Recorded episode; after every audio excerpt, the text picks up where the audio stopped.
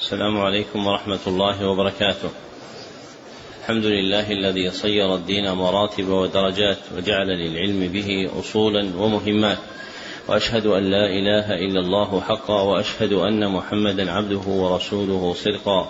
اللهم صل على محمد وعلى آل محمد كما صليت على إبراهيم وعلى آل إبراهيم إنك حميد مجيد اللهم بارك على محمد وعلى آل محمد كما باركت على إبراهيم وعلى آل إبراهيم إنك حميد مجيد. أما بعد فحدثني جماعة من المسلمين وهو أول حديث سمعته منهم بإسناد كل إلى سفيان بن عيينة عن عمرو بن دينار عن أبي قابوس مولى عبد الله بن عمرو عن عبد الله بن عمرو بن العاص رضي الله عنهما عن رسول الله صلى الله عليه وسلم. قال الراحمون يرحمهم الرحمن ارحموا من في الأرض يرحمكم من في السماء ومن آكد الرحمة. رحمة المعلمين للمتعلمين في تلقينهم أحكام الدين وترقيتهم في منازل اليقين ومن طرائق رحمتهم إيقافهم على مهمات العلم بإقراء أصول المتون وتبيين مقاصدها الكلية ومعانيها الإجمالية يستفتح بذلك المبتدئون تلقيهم ويجد فيه المتوسطون ما يذكرهم ويطلع منه المنتهون إلى تحقيق مسائل العلم. وهذه تتمة شرح الكتاب السادس من برنامج مهمات العلم في مرحلته الأولى وهو كتاب التوحيد الذي هو حق الله على العبيد لإمام الدعوة الإصلاحية في جزيرة العرب في القرن الثاني عشر شيخ محمد بن عبد الوهاب التميمي رحمه الله المتوفى سنة ست بعد المئتين والألف. وقد انتهى بنا البيان إلى قوله باب قول الله تعالى يظنون بالله غير الحق ظن الجاهلية. نعم. بسم الله الرحمن الرحيم. الحمد لله رب العالمين وصلى الله وسلم على نبينا محمد. قال رحمه الله تعالى في باب النهي عن سب الريح فيه مسائل. الأولى النهي عن سب الريح الثانية الإرشاد إلى الكلام النافع إذا رأى الإنسان ما يكره الثالثة الإرشاد إلى أنها مأمورة الرابعة أنها قد تؤمر بخير وقد تؤمر بشر. باب قول الله تعالى إذا نسينا أن نقرأ شيء ينبغي أن تنبه الأخ القارئ جزاه الله خير هو متنبه. لكن ما يصح أن نترك شيء من العلم أبدا ولو أنها أربعة أسطر فيه مسائل قل بعض الأقوال ما نحتاج نقرأها. لا لابد أن نقرأ كل شيء حتى يستفيد الإنسان قراءة الكتاب كله. نعم. باب قول الله تعالى يظنون بالله غير الحق ظن الجاهلية.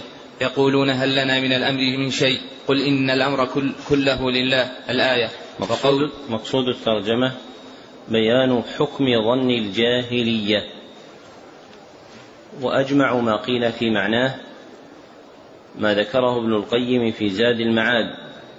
ونقله المصنف هنا إذ قال وهو ظن غير ما يليق بالله وهو ظن غير ما يليق بالله. انتهى كلامه. فظن الجاهلية ظن العبد بربه ما لا يليق. ظن العبد بربه ما لا يليق. وتقدم أن الجاهلية اسم لحال العرب قبل الإسلام وما أضيف إليها فهو محرم فيكون ظن الجاهلية محرما وهو نوعان. أحدهما ظن العبد بربه ما لا يليق مما يتعلق بأصل الإيمان ظن العبد بربه ما لا يليق مما يتعلق بأصل الإيمان. كمن يعتقد أن لله ولدا وهذا كفر أكبر. والآخر ظن العبد بربه ما لا يليق مما يتعلق بكمال الإيمان. كمن يظن أن الله يؤخر نصره لأوليائه مع استحقاقهم له. كمن يظن أن الله يؤخر نصره لأوليائه مع استحقاقهم له. وهذا كفر أصغر. نعم. وقوله الظانين بالله ظن السوء عليهم دائرة السوء. الآية قال ابن القيم في الآية الأولى فسر هذا الظن بأنه سبحانه لا ينصر رسوله وأن أمره سيضمحل. وفسر بأن ما أصابه لم يكن بقدر الله وحكمته. ففسر بإنكار الحكمة وإنكار القدر وإنكار أن يتم أمر, أمر رسوله وأن يظهره على الدين كله. وهذا هو ظن السوء الذي ظن الذي ظن المنافقون والمشركون في سورة في سورة الفتح. وإنما كان هذا ظن السوء لأنه ظن غير غير ما يليق به سبحانه وما يليق بحكمته وحمده ووعده الصادق. فمن ظن أنه يديل الباطل على الحق إدالة مستقرة يضمحل معها الحق أو أنكر أن يكون ما جرى بقضائه وقدره أو أن أنكر أن يكون قدر قدره قد قد قدره لحكمة بالغة يستحق عليها الحمد بل زعم أن ذلك لمشيئة مجردة فذلك ظن الذين كفروا فويل للذين كفروا من النار. وأكثر الناس يظنون بالله ظن السوء فيما يختص بهم وفيما يفعله بغيرهم ولا يسلم من ذلك إلا من عرف الله وأسماءه وصفاته وموجب حكمته وحمده. فليعتني اللبيب الناصح لنفسه بهذا وليتب إلى الله ويستغفره من ظنه بربه ظن السوء. ولو فتشت من فتشت لرأيت عنده تعنتا على القدر وملامة له. وأنه كان ينبغي أن يكون كذا وكذا فمستقل ومستكثر. وفتش نفسك نفسك هل أنت سالم؟ فإن تنجو منها تنجو من ذي عظيمة. وإلا فإني لا إخالك ناجية. ذكر المصنف رحمه الله لتحقيق مقصود الترجمة دليلين. فالدليل الأول قوله تعالى يظنون بالله غير الحق. الآية ودلالته على مقصود الترجمة في قوله يظنون بالله غير الحق ظن الجاهلية. وتلك الدلالة مركبة من ثلاثة أشياء. أحدها أن هذا الظن غير الحق. أن هذا الظن غير الحق. فهو ظن باطل. كما قال تعالى فماذا بعد الحق إلا الضلال؟ وثانيها أن هذا ظن الجاهلية. وكل مضاف للجاهلية حرام. وثالثها أن هذا ظن المنافقين. وكل قول أو فعل كان شعارا لهم فهو من المحرمات. والدليل الثاني قوله تعالى الظانين بالله ظن السوء. الآية ودلالته على مقصود الترجمة في قوله عليهم دائرة السوء أي دائرة العذاب. وتلك الدلالة مركبة من ثلاثة أشياء أيضا. أحدها تسمية ظنهم ظن السوء. وثانيها أن عليهم دائرة السوء. وثالثها أن هذا ظن المنافقين والمشركين. وكل شيء أضيف إليهم من قول أو فعل فهو محرم. ثم ذكر المصنف رحمه الله كلام ابن القيم في زاد المعاد في تفسير الآية الأولى. وفي ضمنه تفسير الآية الثانية وكله من ظن السوء في حكم الله القدري ويلحق به ظن السوء في حكم الله الشرعي لاجتماعهما في كونهما حكما لله فمن ظن ظن السوء في حكم الله الشرعي كمن ظن ظن السوء في حكم الله القدري الوارد في الآيات. وأكثر ظن السوء عند المنافقين الأولين في الحكم القدري. وأكثر ظن السوء عند المنافقين المتأخرين هو في حكم الله الشرعي. نعم.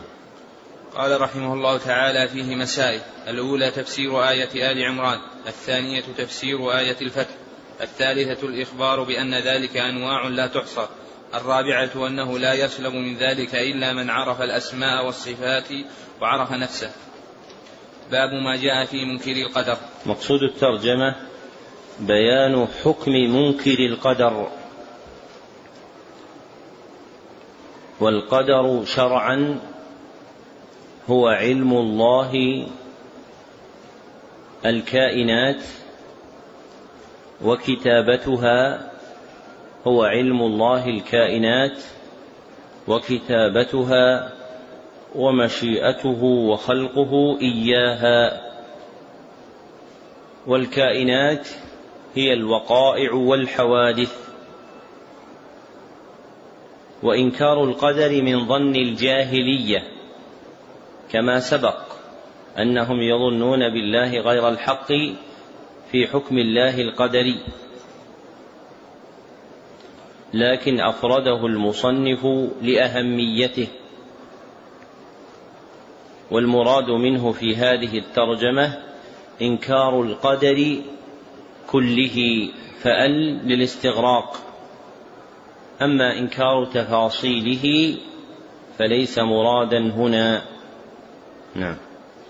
وقال ابن عمر رضي الله عنهما والذي نفس ابن عمر بيد بيده لو كان لأحدهم مثل أحد ذهبا ثم أنفقه في سبيل الله ما قبله الله منه حتى يؤمن بالقدر ثم استدل بقول النبي صلى الله عليه وسلم الإيمان أن تؤمن بالله وملائكته وكتبه ورسله واليوم الآخر وتؤمن بالقدر خيره وشره رواه مسلم وعن عبادة بن الصامت رضي الله عنه أنه قال لابنه يا بني إنك لن تجد طعم الإيمان حتى تعلم أن ما أصابك لم يكن ليخطئك وما أخطأك لم يكن ليصيبك. سمعت رسول الله صلى الله عليه وسلم يقول إن أول ما خلق الله القلم. فقال له اكتب. فقال رب وماذا أكتب؟ قال اكتب مقادير كل شيء حتى تقوم الساعة.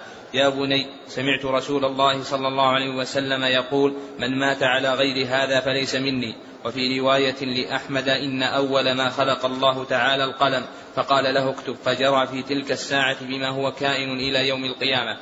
وفي رواية لابن وهب قال رسول الله صلى الله عليه وسلم فمن لم يؤمن بالقدر خيره وشره أحرقه الله بالنار. وفي المسند والسنن عن ابن الديلمي قال أتيت أبي بن كعب.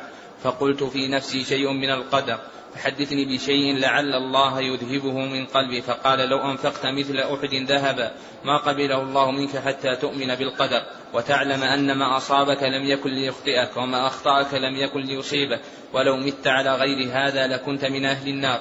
قال فأتيت عبد الله بن مسعود وحذيفة بن اليمان وزيد بن ثابت فكلهم حدثني بمثل ذلك عن النبي صلى الله عليه وسلم. حديث صحيح رواه الحاكم في صحيحه. ذكر المصنف رحمه الله لتحقيق مقصود الترجمة أربعة أدلة. فالدليل الأول حديث عبد الله بن عمر رضي الله عنهما قال والذي نفس ابن عمر بيده. الحديث رواه مسلم. ودلالته على مقصود الترجمة من وجهين. أحدهما في قوله وتؤمن بالقدر خيره وشره. فجعل من الإيمان الإيمان بالقدر كله خيره وشره فهو أحد أركانه العظام. ومن أنكر ركنا من أركان الإيمان كفر فمن أنكر القدر كفر. والآخر في قول ابن عمر ما قبله الله منه حتى يؤمن بالقدر فعلق قبول عمله بكونه مؤمنا بالقدر. فمن لم يؤمن لم يقبل الله عمله ومن رد عمله كله فهو كافر. فدل هذا أن من كفر بالقدر فهو كافر لرد عمله كله. والدليل الثالث أو الدليل الثاني حديث عبادة بن الصامت رضي الله عنه أنه قال لابنه يا بني الحديث رواه أبو داود والترمذي بإسنادين يقوي أحدهما الآخر. أما رواية أحمد في مسنده وهي إن الله إن أول ما خلق الله القلم الحديث فإسنادها ضعيف. وكذلك رواية ابن وهب في كتاب القدر إسنادها ضعيف. ودلالة هذا الحديث على مقصود الترجمة من ثلاثة وجوه. أحدها في قوله من مات على غير هذا فليس مني. من مات على هذا فليس مني أي أنا بريء منه وهو بريء مني. وإنما يبرأ صلى الله عليه وسلم من الكبائر وأهلها فدل ذلك على كون إنكار القدر كبيرة من كبائر الذنوب. وثانيها في قوله في الرواية الأخرى أحرقه الله بالنار. فإن الإحراق بالنار إنما يكون جزاء على فعل المحرمات. وثالثها في قوله إنك لن تجد طعم الإيمان إنك لن تجد طعم إنك لن تجد حقيقة الإيمان حتى تعلم أن ما أصابك لم يكن ليخطئك. وأن وما أخطأك لم يكن ليصيبك. فوجدان طعم الإيمان متعلق بالإيمان بالقدر. وفي ذلك يقول إبراهيم الحربي الحافظ أحد أئمة السلف والسنة من لم يؤمن بالقدر تنكد عيشه. والدليل الثالث حديث عبادة بن الصامت الذي عند ابن وهب فإنه أصل مستقل وليس تابعا ما قبله وفي مثله لا يسوغ قول وفي رواية لأن استعمال هذا الاصطلاح وفي رواية يشعر أن هذه القطعة جزء من الحديث المتقدم وليست كذلك. ودلالته على مقصود الترجمة في الوعيد بإحراق الله له بالنار والوعيد لا يكون إلا على كبيرة. وعذاب الحريق في القرآن جزاء الكافرين ففيه إشارة إلى كفره ومن دقائق التصرف في الخطاب القرآني أن عذاب الحريق وضع في القرآن جزاء للكافرين وأما عذاب النار فوضع جزاء للكافرين وعصاة المؤمنين. واضح؟ يعني الحريق إذا جاء في القرآن هذا عذاب للكفار. وأما النار تأتي عذاب للكفار وعيد بالعذاب للكفار وتأتي وعيد بالعذاب لعصاة المؤمنين من أكلة الربا وقتلة الأنفس بغير حق. طيب لماذا؟ لماذا خص عذاب الحريق بأنه للكفار فقط؟ نعم. إيش؟ أن عصاة الموحدين يخرجون من النار؟ كيف؟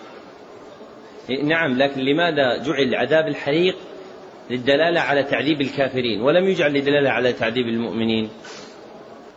نعم ليش جعلت النار؟ وجعل الحريق للكافرين؟ يا أخي. لأنه أشد لأنه أشد. فلا يكاد يفلت منه أحد. فالنار قد تطلق على اتقاد خفيف لكن الحريق لا يطلق إلا على اتقاد على اتقاد شديد. والدليل الرابع حديث ابن الديلمي رضي الله عنه قال أتيت أبي بن كعب فقلت في نفسي شيء من القدر. الحديث أخرجه أبو داود وابن ماجه والعزو إليهما أولى من العزو إلى الحاكم وإسناده حسن. ودلالته على مقصود الترجمة في قوله ولو مت على غير هذا لكنت من أهل النار فمن أنكر القدر فهو من أهل النار الذين هم أهلها وهم الكفرة فمنكر القدر كافر. نعم. قال رحمه الله تعالى فيه مسائل. الأولى بيان فرض الإيمان بالقدر الثانية بيان كيفية الإيمان. قوله الثانية بيان كيفية الإيمان أي بأن تعلم بأن ما أصابك لم يكن ليخطئك وما أخطأك لم يكن ليصيبك. نعم. الثالثة إحباط عمل من لم يؤمن به. الرابعة الإخبار أن أحدا لا يجد طعم الإيمان حتى يؤمن به. الخامسة ذكر أول ما خلق الله. السادسة أنه جرى بالمقادير في تلك الساعة إلى قيام الساعة. نعم. السابعة براءته صلى الله عليه وسلم صلى الله عليه وسلم ممن لم يؤمن به. الثامنة عادة السلف في إزالة الشبهة بسؤال العلماء. التاسعة أن العلماء أجابوه بما يزيل عنه الشبهة. أعيد المسألة اللي قبل عادة السلف. الثامنة عادة السلف في إزالة الشبهة بسؤال العلماء. نعم. عادة السلف يسألون من في الشبهة؟ العلماء. نعم. التاسعة أن العلماء أجابوه بما يزيل عنه الشبهة وذلك أنهم نسبوا الكلام إلى رسول الله صلى الله عليه وسلم فقط. نعم. باب ما جاء في المصورين. مقصود الترجمة بيان حكم المصورين وليس المراد ذواتهم بل فعلهم بل فعلهم وهو التصوير لأنه من الوسائل المفضية إلى الشرك. وإنما ترجم المصنف بالفاعل دون الفعل فقال باب ما جاء في المصورين ولم يقل باب ما جاء في التصوير اتباعا للأحاديث الواردة فإنها وقعت كذلك. نعم. عن أبي هريرة رضي الله عنه قال قال رسول الله صلى الله عليه وسلم قال الله تعالى ومن أظلم ممن ذهب يخلق كخلقي فليخلقوا ذرة أو ليخلقوا حبة أو ليخلقوا شعيرا. أخرجاه ولهما عن عائشة رضي الله عنها أن رسول الله صلى الله عليه وسلم قال أشد الناس عذابا يوم القيامة الذين يضاهئون بخلق الله. ولهما عن ابن عباس سمعت رسول الله صلى الله عليه وسلم يقول كل مصور في النار يجعل له بكل صورة صورها نفس يعذب بها في جهنم. وله ولهما عنه مرفوعا. من صور صورة في الدنيا كلف أن ينفخ فيها الروح وليس بنافخ. ولمسلم عن أبي الهياج قال قال لي علي ألا أبعثك على ما بعثني عليه رسول الله صلى الله عليه وسلم ألا تدع صورة إلا طمستها ولا قبرا مشرفا إلا سويته. ذكر المصنف رحمه الله لتحقيق مقصود الترجمة خمسة أدلة فالدليل الأول حديث أبي هريرة رضي الله عنه قال قال رسول الله صلى الله عليه وسلم قال الله تعالى ومن أظلم ممن ذهب يخلق كخلقي الحديث متفق عليه وهذا معنى قوله أخرجاه ودلالته على مقصود الترجمة من وجهين أحدهما في قوله ومن أظلم ممن ذهب يخلق كخلقي أي لا أحد أظلم فإن هذا التركيب كما سلف موضوع في الكتاب والسنة على هذا المعنى وإنما يوصف بالظلم فاعل المحرم وقد يكون كفرا وقد لا يكون كذلك فالتصوير ظلم منه ما هو كفر ومنه ما ليس كذلك كما سيأتي والآخر في قوله فليخلقوا ذرة أو ليخلقوا حبة أو ليخلقوا شعيرة تقريعا لهم وتبكيتا واظهارا لعجزهم وهو دال على ذمهم فمستحق التبكيت والتقريع والتوبيخ مذموم وفعله الذي ذم لأجله محرم والدليل الثاني حديث عائشة رضي الله عنها قالت قال رسول الله صلى الله عليه وسلم أشد الناس عذابا. الحديث رواه أحمد. ودلالته على مقصود الترجمة في قوله أشد الناس عذابا يوم القيامة. ثم عينهم بقوله الذين يضاهئون بخلق الله رواه البخاري ومسلم وليس أحمد. رواه البخاري ومسلم ودلالته على مقصود الترجمة في قوله أشد الناس عذابا يوم القيامة. ثم عينهم بقوله الذين يضاهئون بخلق الله والمضاهاة هي المشابهة. وكونه أشد الناس عذاب وكونه أشد الناس عذابا يدل على أن فعله محرم بل كبيرة من كبائر الذنوب. والدليل الثالث حديث ابن عباس رضي الله عنهما قال سمعت رسول الله صلى الله عليه وسلم يقول كل مصور في النار. الحديث متفق عليه ودلالته على مقصود الترجمة في قوله كل مصور في النار. ثم فسر عذابه بقوله يجعل له بكل صورة صورها. نفس يعذب بها في جهنم. والوعيد بالنار إنما يكون على كبائر الذنوب. والدليل الرابع حديث ابن عباس رضي الله عنهما أيضا مرفوعا من صور صورة في الدنيا. الحديث متفق عليه. ودلالته على مقصود الترجمة في قوله كلف أن ينفخ فيها الروح كلف أن ينفخ فيها الروح وليس بنافخ. فإن الله يكلفه تعذيبا له وإظهارا لعجزه. وترتيب هذا العذاب على ذلك دال على كون فعله محرما بل كبيرة من كبائر الذنوب لأن الوعيد بالعذاب من علامات الكبيرة. والدليل الخامس حديث أبي الهياج الأسدي رحمه الله قال قال لي علي بن أبي طالب الحديث رواه مسلم. ودلالته على مقصود الترجمة في قوله ألا تدع صورة إلا طمستها فالأمر بالطمس يقتضي حرمة الصورة. وهذه الأحاديث دالة على حرمة التصوير وأن المصور له حالان. أولاهما الكفر عياذا بالله الكفر عياذا بالله إذا قصد بتصويره مضاهاة خلق الله وتشبيه خلقه القاصر بخلق الله الكامل. والأخرى الفسق إذا خلا من القصد المذكور. والأخرى الفسق إذا خلا من القصد المذكور لأن التصوير من كبائر الذنوب.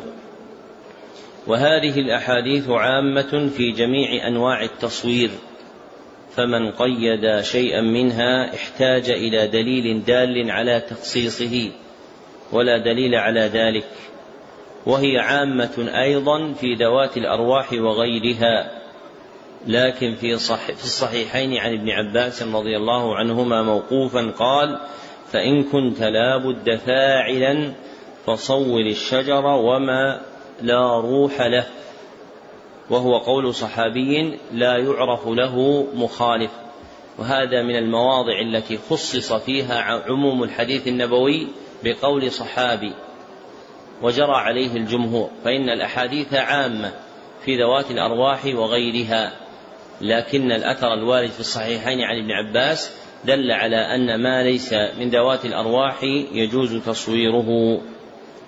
ومن القواعد المحتاج إليها في فهم هذا الباب أن تعلم أن ما حرم لكونه ذريعة جاز للحاجة أن ما حرم لكونه ذريعة جاز للحاجة. اختاره جماعة من المحققين منهم أبو العباس بن تيمية الحفيد وتلميذه ابن القيم. والحاجة تقدر بقدرها. فالتصوير محرم لكونه ذريعة فيجوز للحاجة فوق جوازه للضرورة فالتصوير جائز في حالين إحداهما حال الضرورة وهي ما لا يقوم غيرها مقامها والأخرى حال الحاجة وهي ما يقوم غيرها مقامها. مثل ماذا الأول؟ مثل البطاقات الرسمية في إثبات الشخصية من بطاقة مدنية أو جواز هذه ضرورة لأنه لا يقوم غيرها مقامها. فلو كتب اسمك لم يتمكن من يريد التحقق من شخصيتك في بتمييزها. ومثل الحاجة مثل لا جاني وسارق هذه ضرورة. لأن السارق ما تميز باسمه. نعم. مثل الشهادات وأظهر منها مثل الكتب التعليمية للأطفال.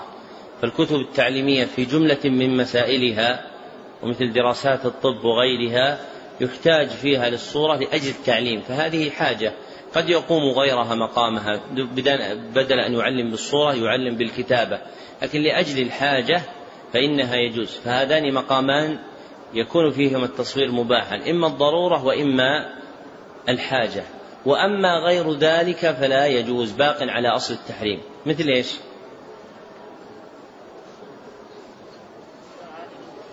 مثل صورة عائلية للذكرى. مثل صورة عائلية للذكرى. ومثل صورة شيخ للمحاضرة. حتى نكون عادلين بعد مع الله مثل صورة شيخ للمحاضرة. هذه لا حاجة لها. ما في حاجة أنك حتى تعلن عن شيخ تقول المحاضرة فلان الفلاني. ما في حاجة للصورة. الناس لا يطلبون من محاضرتك صورتك. وإن كان هذا مرادك من صورتك فإنك لن تصل إلى قلوب الناس. وكم من إنسان لا تحفظ له صورة ممن أدرك التصوير له أثر عظيم في الناس. وكم من إنسان ما أكثر صورة وليس له حظ من القبول عند الناس فلا ينبغي أن يغتر الإنسان بحال المتشرعة الذي آلوا إليه طيب إذا قيل إن القول بتحريم التصوير محاربة للفنون الجميلة ما الجواب؟ ها؟ ها؟ تزييف ألفاظ نقول الفنون الجميلة يبينها الجميل سبحانه وتعالى. هذه أحكامه عز وجل. والله عز وجل جميل يحب الجمال. فإذا كان قد قضى بحرمة التصوير فإنه لا جمال فيه إلا ما أذن فيه. والفنون الجميلة التي تندرج تحت هذا الاسم كثيرة. النقش والكتابة هذه من الفنون الجميلة المباحة شرعا. ومن أراد أن يرضي الناس بسخط الله فإنه لا يتمكن من ذلك. ولو أن إنسانا حمل بجيشه ورجله لأجل أن يرد حرمة التصوير لأجل محاربة الفنون الجميلة فإنه ينبغي كذلك أن يحمل بخيله ورجله على أدلة الشرع التي جاءت في طاعة ولي الأمر الجائر. فإن الشرع أمرنا بذلك وهو لا يرضي هؤلاء الذين يقولون إن حرمة التصوير تحارب الفنون الجميلة ولكنهم يتدرجون في حرب الإسلام شيئا فشيئا. فيبدأون بشيء بعيد المرمى يشاركهم فيه كثير حتى يترقوا إلى ما يريدون أعاد الله المسلمين من مكايدهم. نعم. قال رحمه الله تعالى فيه مسائل الأولى التغليظ الشديد في المصورين. الثانية التنبيه على العلة وهو ترك الأدب مع الله لقوله ومن أظلم ممن ذهب يخلق كخلقه. الثالثة التنبيه على قدرته وعجزهم لقوله فليخلقوا ذرة أو شعيرة. الرابعة التصريح بأنهم أشد الناس عذابا. الخامسة أن الله يخلق بعدد كل صورة نفسا يعذب بها في جهنم. السادسة أنه يكلف أن ينفخ فيها الروح. السابعة الأمر بطمسها إذا وجدت. قوله رحمه الله السابعة الأمر بطمسها إذا وجدت أي بتغطيتها. فإن الطمس هو التغطية ويكفي في ذلك الراس. لما رواه البيهقي في السنن الكبرى بسند صحيح عن ابن عباس أنه قال إنما الصورة الرأس فإذا ذهب الرأس لم تكن صورة فطمس الرأس كاف في إزالة حكم التحريم وإنما يكون الطمس بالتغطية أما وضع خط أسفل الرقبة هذا لا يسمى طمسا. نعم. باب ما جاء في كثرة الحلف. مقصود الترجمة بيان حكم كثرة الحلف وهو القسم بالله. نعم. وقول الله تعالى واحفظوا أيمانكم. عن أبي هريرة رضي الله عنه قال سمعت رسول الله صلى الله عليه وسلم يقول الحلف منفقة للسلعة ممحقة للكسب. اخرجاه وعن سلمان رضي الله عنه أن رسول الله صلى الله عليه وسلم قال ثلاثة لا يكلمهم الله ولا يزكيهم ولهم عذاب أليم. وشيمط زان وعائل مستكبر ورجل جعل الله بضاعته لا يشتري إلا بيمينه ولا يبيع إلا بيمينه. رواه الطبراني بسند صحيح. وفي الصحيح عن عمران بن حصين رضي الله عنه قال قال رسول الله صلى الله عليه وسلم خير أمتي قرني ثم الذين يلونهم ثم الذين يلونهم قال عمران فلا أدري أذكر بعد قرنه مرتين أو ثلاثة ثم إن بعدكم قوما يشهدون ولا يستشهدون ويخونون ولا يؤتمنون وينذرون ولا يوفون ويظهر فيهم السمن وفيه عن ابن مسعود رضي الله عنه أن رسول الله صلى الله عليه وسلم قال خير الناس قرني ثم الذين يلونهم ثم الذين يلونهم ثم يجيء قوم تسبق شهادة أحدهم يمينه ويمينه شهادته. قال إبراهيم كانوا يضربوننا عن الشهادة والعهد ونحن صغار. ذكر المصنف رحمه الله لتحقيق مقصود الترجمة ستة أدلة فالدليل الأول قوله تعالى واحفظوا أيمانكم. الآية. ودلالته على مقصود الترجمة في الأمر بحفظ اليمين والأمر للإيجاب ومن جملة الحفظ عدم الإكثار من الحلف. والدليل الثاني حديث أبي هريرة رضي الله عنه قال سمعت رسول الله صلى الله عليه وسلم يقول الحلف منفقة للسلعة. الحديث متفق عليه ودلالته على مقصود الترجمة في قوله ممحقة للكسب. فأخبر أن الحلف المروج للسلعة يوجب ذهاب الكسب ذهاب بركة الكسب. وكلما أوجب وكل ما أوجب ذهاب البركة فإنه محرم. والدليل الثالث حديث سلمان الفارسي رضي الله عنه أن رسول الله صلى الله عليه وسلم قال ثلاثة لا يكلمهم الله ولا يزكيهم. الحديث رواه الطبراني في معاجمه الثلاثة بإسناد صحيح ودلالته على مقصود الترجمة في قوله ورجل جعل الله بضاعته لا يشتري إلا بيمينه ولا يبيع إلا بيمينه. أي جعل الحلف بالله بمنزلة البضاعة الملازمة له التي لا تنفك عنه في تجارته. والوعيد الشديد المذكور في صدر الحديث دال على كون الفعل المذكور محرما بل هو كبيرة من كبائر الذنوب. والدليل الرابع حديث عمران بن حسين رضي الله عنهما قال قال رسول الله صلى الله عليه وسلم خير أمتي قرني. الحديث متفق عليه. ودلالته على مقصود الترجمة من ثلاثة وجوه. أحدها مدح القرون المفضلة الثلاثة. مدح القرون المفضلة الثلاثة. المقتضي أنهم لم يكونوا يكثرون الحلف بالله. المقتضي أنهم لم يكونوا يكثرون الحلف بالله. وثانيها في قوله وينذرون ولا يوفون. لأن مما يدخل في المعنى العام للنذر حفظ اليمين. والمعنى العام للنذر كما سبق هو الدين كله. فإن النذر يطلق على إرادة الوفاء بما التزم الإنسان به من الدين. وهو أحد قولي المفسرين في قول الله تعالى يوفون بالنذر. فالمراد بالنذر عند جماعة الإسلام كله. ومن جملة ذلك حفظ اليمين من كثرة الحلف.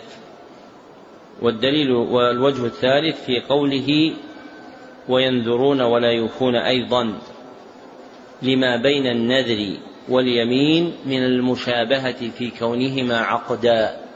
لما بين النذر واليمين من المشابهة في كونهما عقدا.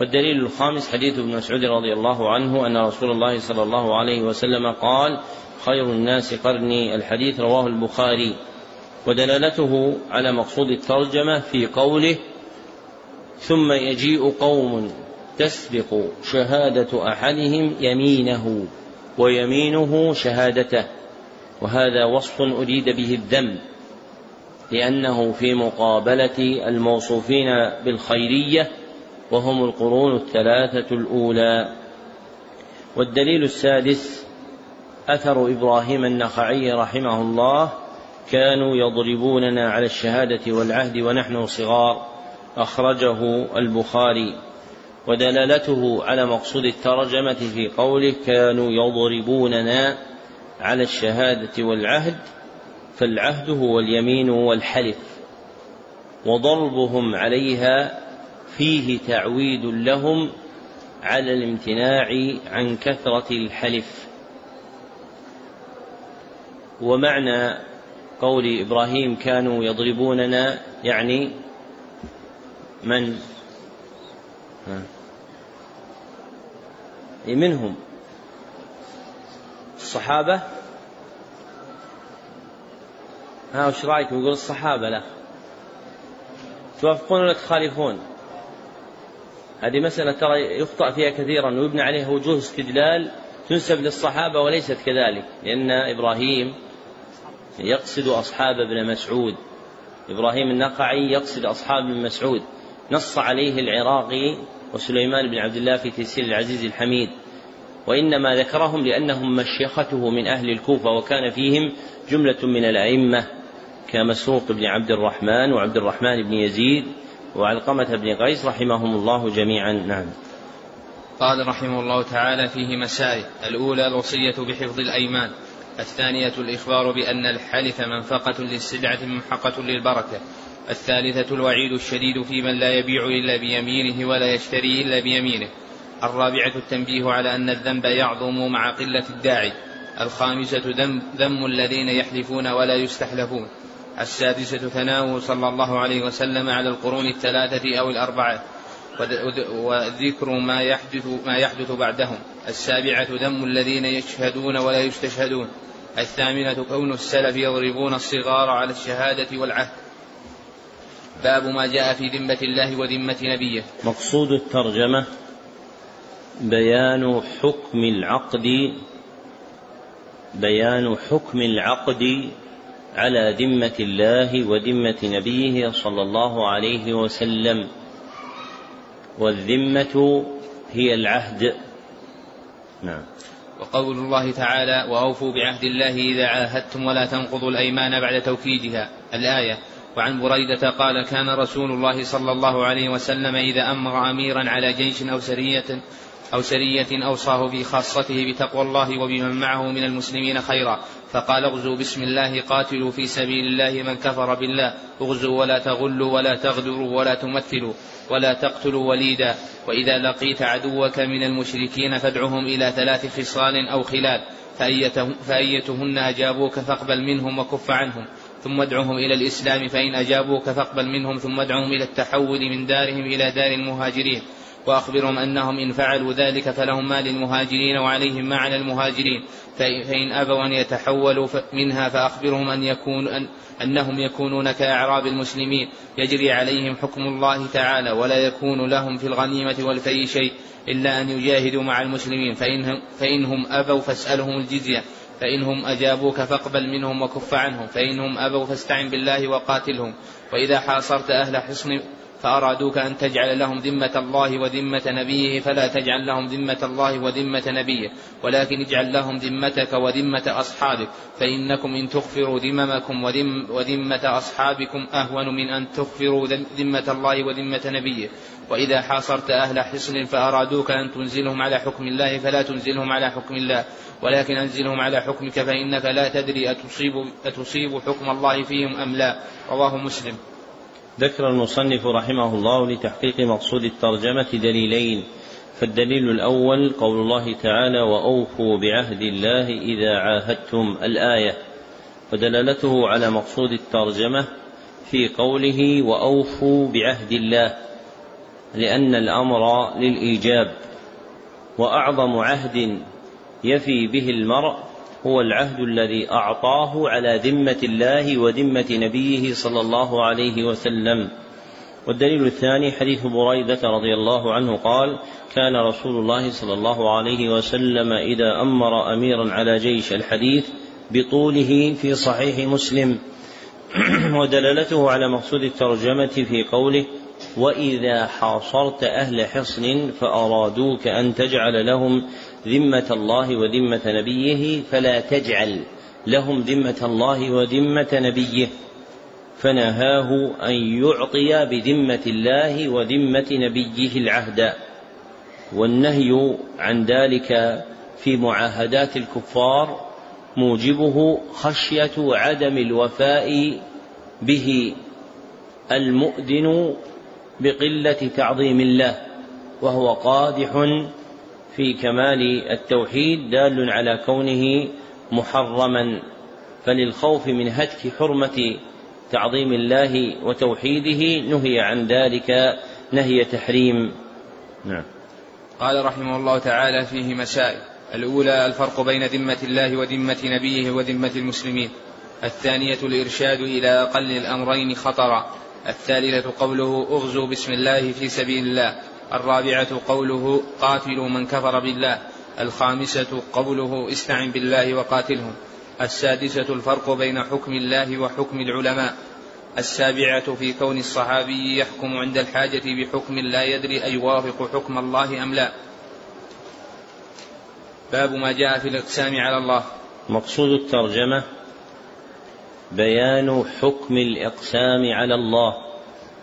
بيان حكم الإقسام على الله والمراد به الحلف على الله. نعم. عن جندب بن عبد الله رضي الله عنه قال قال رسول الله صلى الله عليه وسلم قال رجل والله والله لا يغفر الله لفلان. فقال الله عز وجل من ذا الذي يتألى علي أن لا أغفر لفلان؟ إني قد غفرت له وأحبطت عملك. رواه مسلم. وفي حديث أبي هريرة أن القائل رجل عابد. قال أبو هريرة تكلم بكلمة أوبقت دنياه وآخرته. ذكر المصنف رحمه الله لتحقيق مقصود الترجمة دليلين. فالدليل الأول حديث جند بن عبد الله رضي الله عنه قال قال رسول الله صلى الله عليه وسلم قال رجل والله لا يغفر الله لفلان. الحديث رواه مسلم ودلالته على مقصود الترجمة من وجهين. أحدهما في قوله من ذا الذي يتألى علي ألا أغفر لفلان فإن الاستفهام استنكاري واقع على جهة إنكار مقالته وإبطالها. والآخر في قوله إني قد غفرت له وأحبطت عملك إذ ذكر جزاءه بالمعاقبة له بإحباط عمله والمغفرة لمن حكم عليه فعوقب جزاء فعله بنقيض قصده فإنه جعل نفسه حاكما على الله في خلقه يحمله على ذلك العجب بالنفس والإدلال بالعمل على الله وهذا سوء أدب وقلة تعظيم لجناب الله فعجل الله له عقوبته بإحباط عمله. والدليل الثاني حديث أبي هريرة رضي الله عنه أن القائل رجل عابد. الحديث رواه أبو داود وإسناده صحيح. ودلالته على مقصود الترجمة في قوله في تمام الحديث وقال يعني الله للمذنب اذهب فادخل الجنة برحمتي. وقال للآخر اذهبوا به إلى النار. وهذا معنى قول أبي هريرة تكلم بكلمة أوبقت دنياه وآخرته أي أفسدتهما. وحامله على هذه المقالة حامل ما قبله فإنه مغرور بعمله مدل به على ربه. وهذا سوء أدب مع الله وقلة تعظيم له. نعم. قال رحمه الله تعالى فيه مسائل. الأولى التحذير من التألي على الله. الثانية قوله رحمه الله الأولى التحذير من التألي على الله. أي الإقسام عليه تحكما إعجابا بالنفس. أي الإقسام عليه تحكما إعجابا بالنفس. وثم نوع ثان من الإقسام على الله لا مدخل له في التألي وهو الإقسام عليه بتحقق وقوع المقسم عليه لقوة رجاء المقسم الإقسام عليه بتحقق وقوع المقسم عليه لقوة رجاء المقسم وقبول المحل فهذا لا بأس به في حق من كمل دينه وقوي يقينه كما اتفق وقوعه من بعض الصحابة. فالفرق بين النوعين ظاهر. فالمذموم المطرح هو ما كان حامله الإعجاب بالنفس والإدلال على الله بالعمل. والمقبول المأذون فيه هو ما كان حامله حسن الظن بالله وقوة رجاء العبد له مع قبول المحل لذلك. ومتعلق الباب هو القسم على الله في قدره. أما القسم على الله في شرعه فليس مرادا. محل الباب القسم على الله في قدره. أما القسم عليه في شرعه فليس مرادا. لماذا؟ يعني محصلة أنه لغو لأنه لغو. لو أن إنسانا قال أقسمت على الله أن يجعل الصلوات خمسا فيه شيء جديد؟ ما فيها شيء جديد هذا شرع مقرر. قال أقسمت على الله أن يجعل الحج في شهر ذي الحجة. هذا متقرر. فلكونه لغوا لم تعلق الأحكام الشرعية به إنما الأحكام الشرعية متعلقة بالحكم القدري. نعم. الثانية كون النار أقرب إلى أحدنا من شراك نعله. الثالثة أن الجنة مثل ذلك مثل ذلك. الرابعة فيه شاهد لقوله إن الرجل ليتكلم بالكلمة إلى آخره. الخامسة أن الرجل قد يغفر له بسبب بسبب هو من أكره الأمور إليه. نعم. باب لا يستشفع بالله على خلقه. مقصود الترجمة بيان النهي عن الاستشفاع بالله على خلقه. بيان النهي عن الاستشفاع بالله على خلقه أي طلب الشفاعة به عند أحد من خلقه أي طلب الشفاعة به عند أحد من خلقه والنهي للتحريم لما في ذلك من تنقص مقام الربوبية فشان الله أعظم من ذلك. واضح؟ يعني الاستشفاع بالله عند أحد من خلقه. مثل قول الناس داخلين بالله عليك. لأنهم يستشفعون بالله عند هذا الرجل. هذا محرم ولا يجوز لأنه داخل في هذا الباب. والناس دائما بسبب تغير الألفاظ يغفلون عن عن أحكام باقية. الشريعة الأحكام فيها معلقة بالحقائق والمعاني لا بالألفاظ والمباني.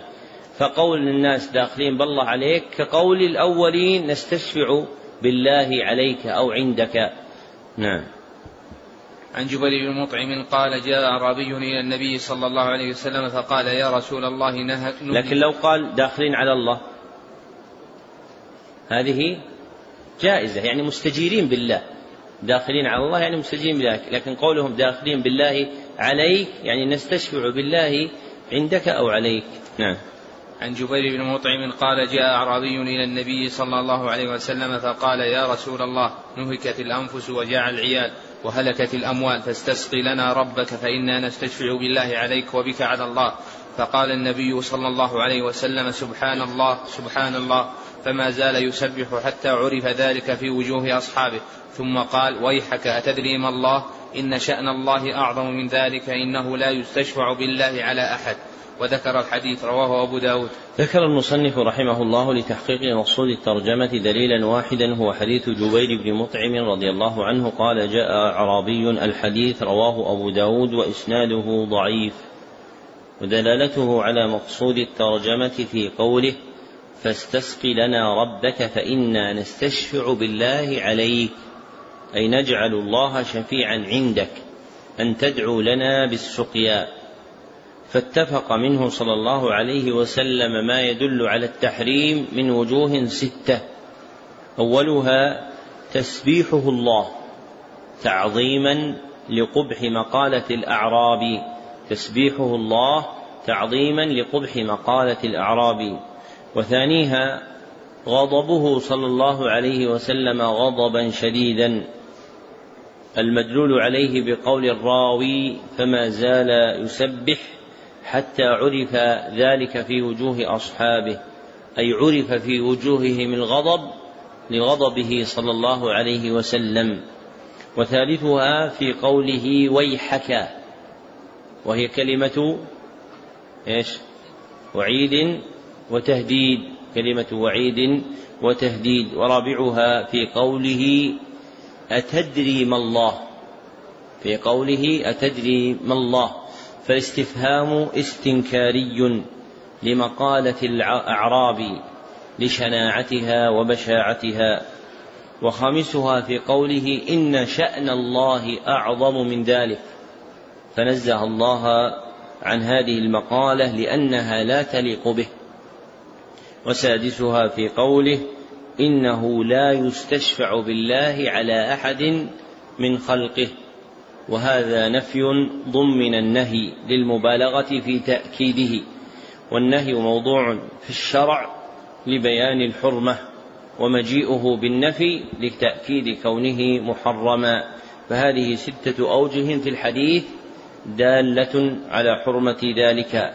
والخمس الأول منها صيغ غير صريحة في النهي. جعلت مؤطئة للنهي الصريح.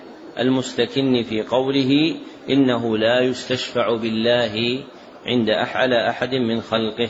نعم. قال رحمه الله تعالى فيه مسائل. الأولى إنكاره على من قال نستشفع بالله عليك. الثانية تغيره تغيرا عرف في وجوه أصحابه من هذه الكلمة. الثالثة أنه لم ينكر عليه قوله نستشفع بك على الله.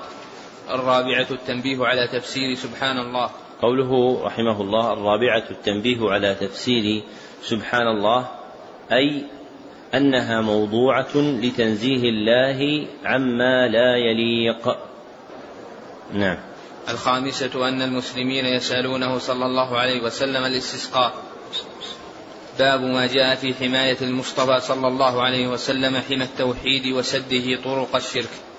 مقصود الترجمة بيان حماية المصطفى حمى التوحيد.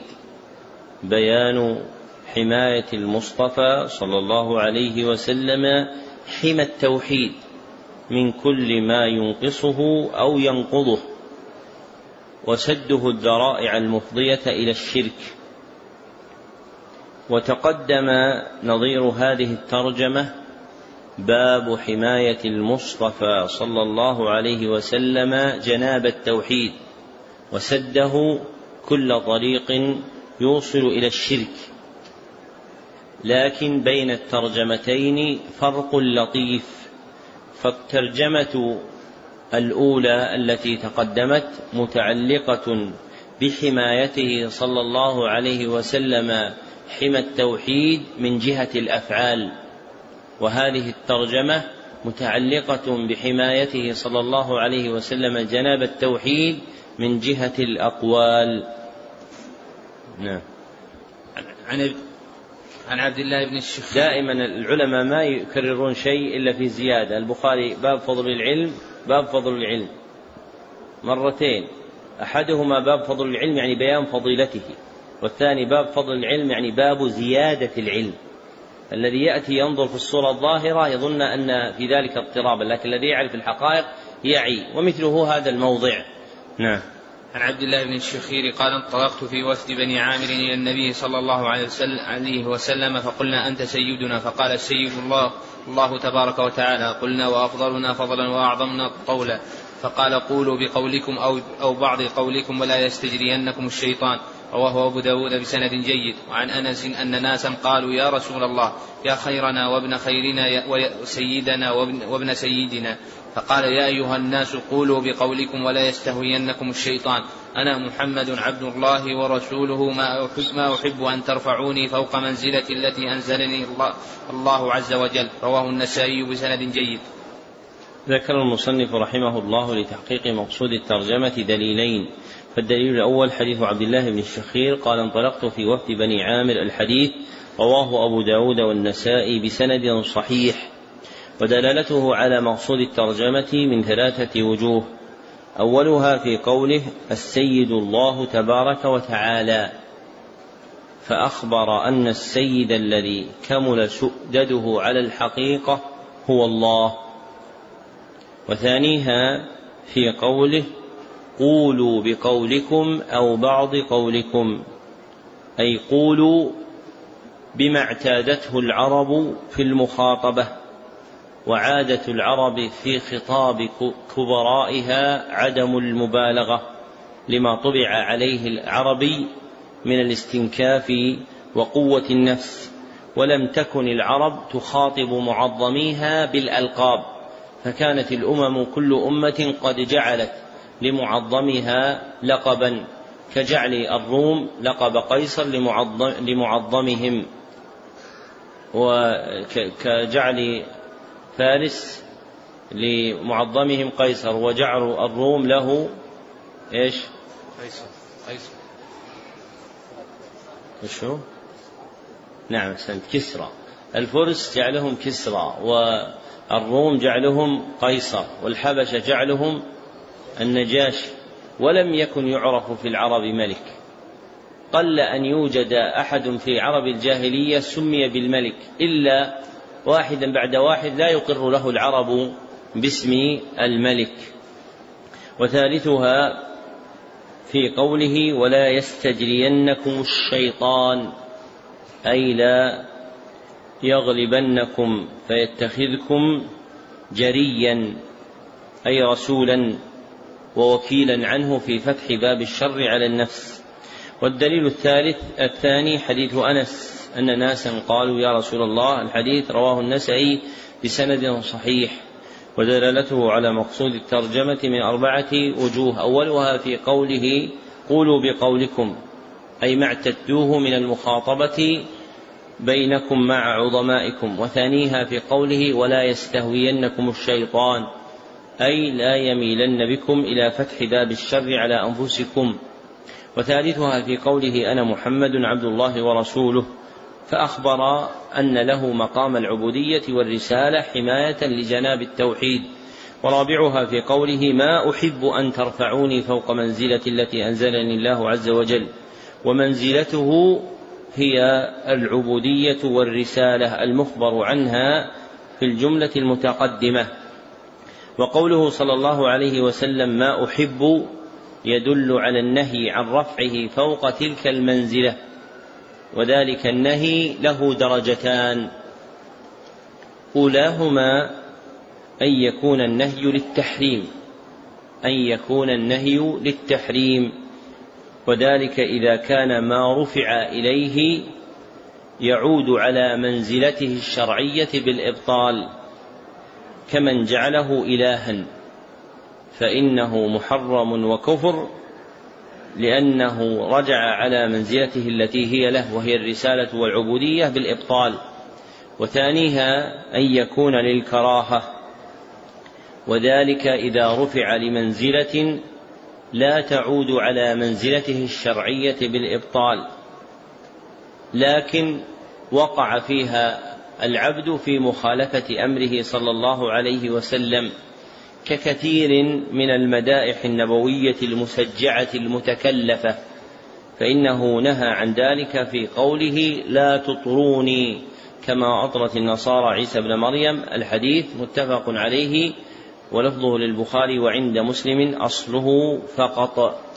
فحينئذ تكون هذه المنزلة الثانية للكراهة لأنها مخالفة لأمره صلى الله عليه وسلم.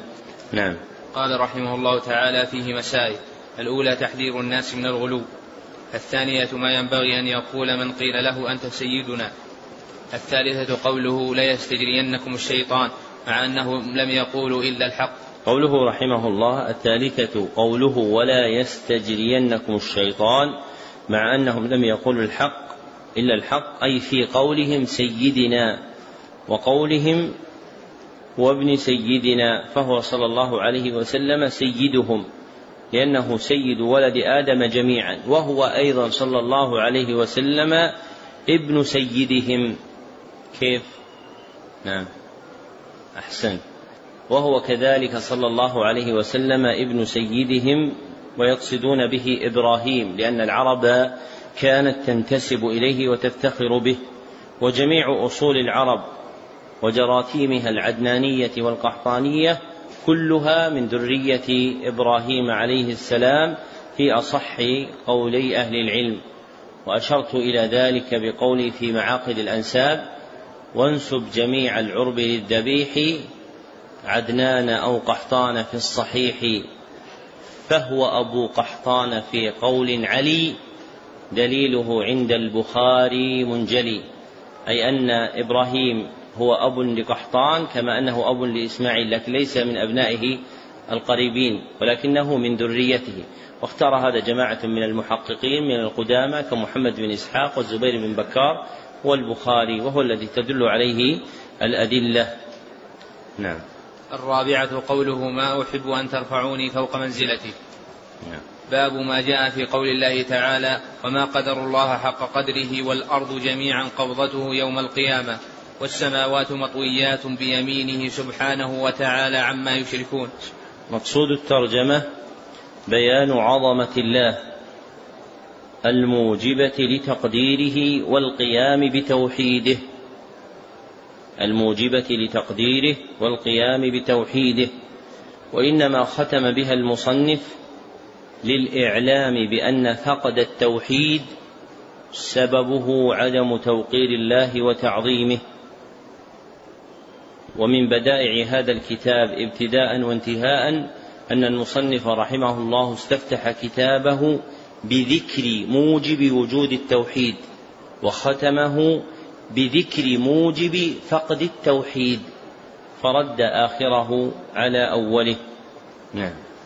عن ابن مسعود رضي الله عنه قال جاء حبر من الأحبار إلى رسول الله صلى الله عليه وسلم فقال يا محمد إنا نجد أن الله يجعل السماوات على إصبع والأراضين على إصبع والشجر على إصبع والماء على إصبع والثرى على إصبع وسائر الخلق على إصبع في على إصبع. فيقول أنا الملك. فضحك النبي صلى الله عليه وسلم حتى بدت نواجده. تصديقا لقول الحب. ثم قرأ وما قدر الله حق قدره والأرض جميعا قبضته يوم القيامة الآية. وفي رواية لمسلم والجبال والشجر على إصبع ثم يهزهن فيقول أنا الملك أنا الله. وفي رواية للبخاري يجعل السماوات على إصبع والماء والثرى على إصبع وسائر الخلق على إصبع. أخرجاه ولمسلم عن ابن عمر مرفوعا يطوي الله يطوي الله السماوات يوم القيامة ثم يأخذهن بيده اليمنى ثم يقول أنا الملك أين الجبارون؟ أين المتكبرون؟ ثم يطوي الأراضين السبع ثم يأخذهن بشماله ثم يقول أنا الملك أين الجبارون؟ أين المتكبرون؟ وروي عن ابن عباس رضي الله عنهما قال ما السماوات السبع والأراضون السبع في كف الرحمن إلا كخردلة في يد أحدكم؟ وقال ابن جرير حدثني يونس قال أنبأنا ابن وهب قال قال ابن زيد حدثني أبي قال قال رسول الله صلى الله عليه وسلم ما السماوات السبع في الكرسي إلا كدراهم, كدراهم سبعة ألقيت في ترس. وقال قال أبو ذر رضي الله عنه سمعت رسول الله صلى الله عليه وسلم يقول ما الكرسي, ما الكرسي في العرش إلا كحلقة من حديد ألقيت بين ظهري فلاة من الأرض. وعن ابن مسعود قال بين السماء الدنيا والتي تليها خمسمائة عام وبين كل سماء خمسمائة عام. وبين السماء السابعة والكرسي خمسمائة عام وبين الكرسي والماء خمسمائة عام والعرش فوق الماء, الماء والله فوق العرش لا يخفى عليه شيء من أعمالكم. أخرجه ابن مهدي ابن, ابن مهدي عن حماد عن حماد بن سلمة عن عاصم عن زر عن عبد الله ورواه بنحوه المسعودي عن عاصم عن عاصم عن أبي وائل عن عبد الله قاله الحافظ الذهبي رحمه الله تعالى قال وله طرق. وعن العباس بن عبد المطلب رضي الله عنه قال قال رسول الله صلى الله عليه وسلم هل تدرون كم بين السماء والأرض؟ قلنا الله ورسوله أعلم. قال بينهما مسيرة خمسمائة سنة وبين كل سماء إلى سماء مسيرة خمسمائة سنة وكثف كل, كل سماء مسيرة خمسمائة سنة وبين السماء السابعة والعرش بحر بين أسفله وأعلاه كما بين السماء والأرض. والله تعالى فوق ذلك وليس يخفى عليه شيء من أعمال بني آدم. أخرجه أبو داود وغيره. ذكر المصنف رحمه الله لتحقيق مقصود الترجمة سبعة أدلة فالدليل الأول قوله وما قدر الله حق قدره ودلالته على مقصود الترجمة من ثلاثة وجوه. أولها في قوله وما قدر الله حق قدره أي ما عظموه ما ينبغي من التعظيم. ففيه إثبات عظمة الله. وثانيها في قوله والأرض جميعا قبضته يوم القيامة والسماوات مطويات بيمينه وهذا دال على عظمة الله. والثالث في قوله سبحانه وتعالى عما يشركون فنزه نفسه وقدسها عما يقوله المشركون. وفي ذلك إثبات ما له من الكمالات التي أثبتها لنفسه أو أثبتها له رسله عليهم الصلاة والسلام. والدليل الثاني حديث ابن مسعود قال جاء حبر من الأحبار. الحديث متفق عليه. ودلالته على مقصود الترجمة من وجهين أحدهما فيما ذكر من صفة الله التي ذكرها الحبر. وضحك النبي صلى الله عليه وسلم هو تصديق لقوله. وثانيهما في قراءته صلى الله عليه وسلم للآية المشتملة على تعظيم الله كما تقدم. والدليل الثالث حديث ابن عمر رضي الله عنهما مرفوعا يطوي الله السماوات. الحديث رواه مسلم. وفيه لفظة شاذة على الصحيح وهي قوله ثم يأخذهن بشماله. فالثابت ثم يأخذهن بيده الأخرى. ودلالته على مقصود الترجمة في قول الله تعالى أنا الملك أين الجبارون أين المتكبرون؟ وتكرارها عند طي الأرض تأكيد لعظمته. والدليل الرابع حديث ابن عباس رضي الله عنهما رواه ابن جرير بإسناد ضعيف. ثم بعده مرسل زيد بن أسلم والد عبد الرحمن. فهو قال قال ابن زيد يعني قال عبد الرحمن بن زيد بن أسلم رواه ابن جرير بإسناد ضعيف جدا. والدليل الخامس حديث أبي ذر رضي الله عنه قال سمعت رسول الله يقول ما الكرسي في العرش؟ الحديث رواه البيهقي في الأسماء والصفات بإسناد ضعيف. والدليل السادس حديث ابن مسعود رضي الله عنه قال بين السماء الدنيا والتي تليها خمسمائة عام. الحديث أخرجه الطبراني في المعجم الكبير بإسناد حسن ومثله لا يقال من قبل الرأي. والدليل السابع حديث العباس رضي الله عنه قال قال رسول الله صلى الله عليه وسلم هل تدرون كم بين السماء والأرض؟ الحديث رواه الأربعة إلا النسائي وإسناده ضعيف. ودلالة جميع هذه الأحاديث على مقصود الترجمة هو ما ذكر فيها من عظمة الله الموجبة تعظيمه وتوحيده المانعة فقده والاطلاع عليها يورث العبد تعظيما وإجلالا لله سبحانه وتعالى. نعم. قال رحمه الله تعالى فيه مسائل الأولى تفسير قوله تعالى والأرض جميعا قبضته يوم القيامة الثانية أن هذه العلوم وأمثالها باقية عند اليهود الذين في زمنه صلى الله عليه وسلم لم ينكروها ولم يتأولوها الثالثة أن الحبر لما ذكر للنبي صلى الله عليه وسلم صدقه ونزل القرآن بتقرير ذلك. الرابعة وقوع الضحك الكثير من رسول الله صلى الله عليه وسلم لما ذكر الحبر هذا العلم العظيم. الخامسة التصريح بذكر اليدين وأن السماوات في اليد اليمنى والأراضين في اليد الأخرى. السادسة التصريح بتسميتها الشمال. السابعة ذكر الجبارين والمتكبرين عند ذلك. الثامنة قوله كخردلة في كف أحدكم. التاسعة عظم الكرسي بالنسبة إلى السماوات العاشرة عظمة, عظمة العرش بالنسبة إلى الكرسي الحادية عشرة أن العرش غير الكرسي الثانية عشرة كم بين كل سماء إلى سماء الثالثة عشرة كم بين السماء السابعة والكرسي الرابعة عشرة كم بين الكرسي والماء الخامسة عشرة أن العرش فوق الماء السادسة عشرة أن الله فوق العرش السابعة عشرة كم بين السماء والأرض. الثامنة عشرة كتاب كل سماء خمسمائة سنة. التاسعة عشرة أن البحر الذي فوق السماوات بين أعلاه وأسفله مسيرة خمسمائة سنة. هذا آخر الأبواب والمسائل والحمد لله رب العالمين. الحمد لله رب العالمين. اكتبوا السماع سمع علي جميع لمن كان جميع وبعض لمن كان بعض. كتاب التوحيد بقراءة غيره فتم له ذلك في كم مجلس؟ في ستة مجالس وأجزت له روايته عني إجازة خاصة من معين في معين لمعين بإسناد المذكور في منح المكرمات. واكتبوا تاريخ الليلة ليلة الاثنين كم؟ الثالث ولا الرابع؟ غدا كم؟ ها؟ الثالث غدا الثالث.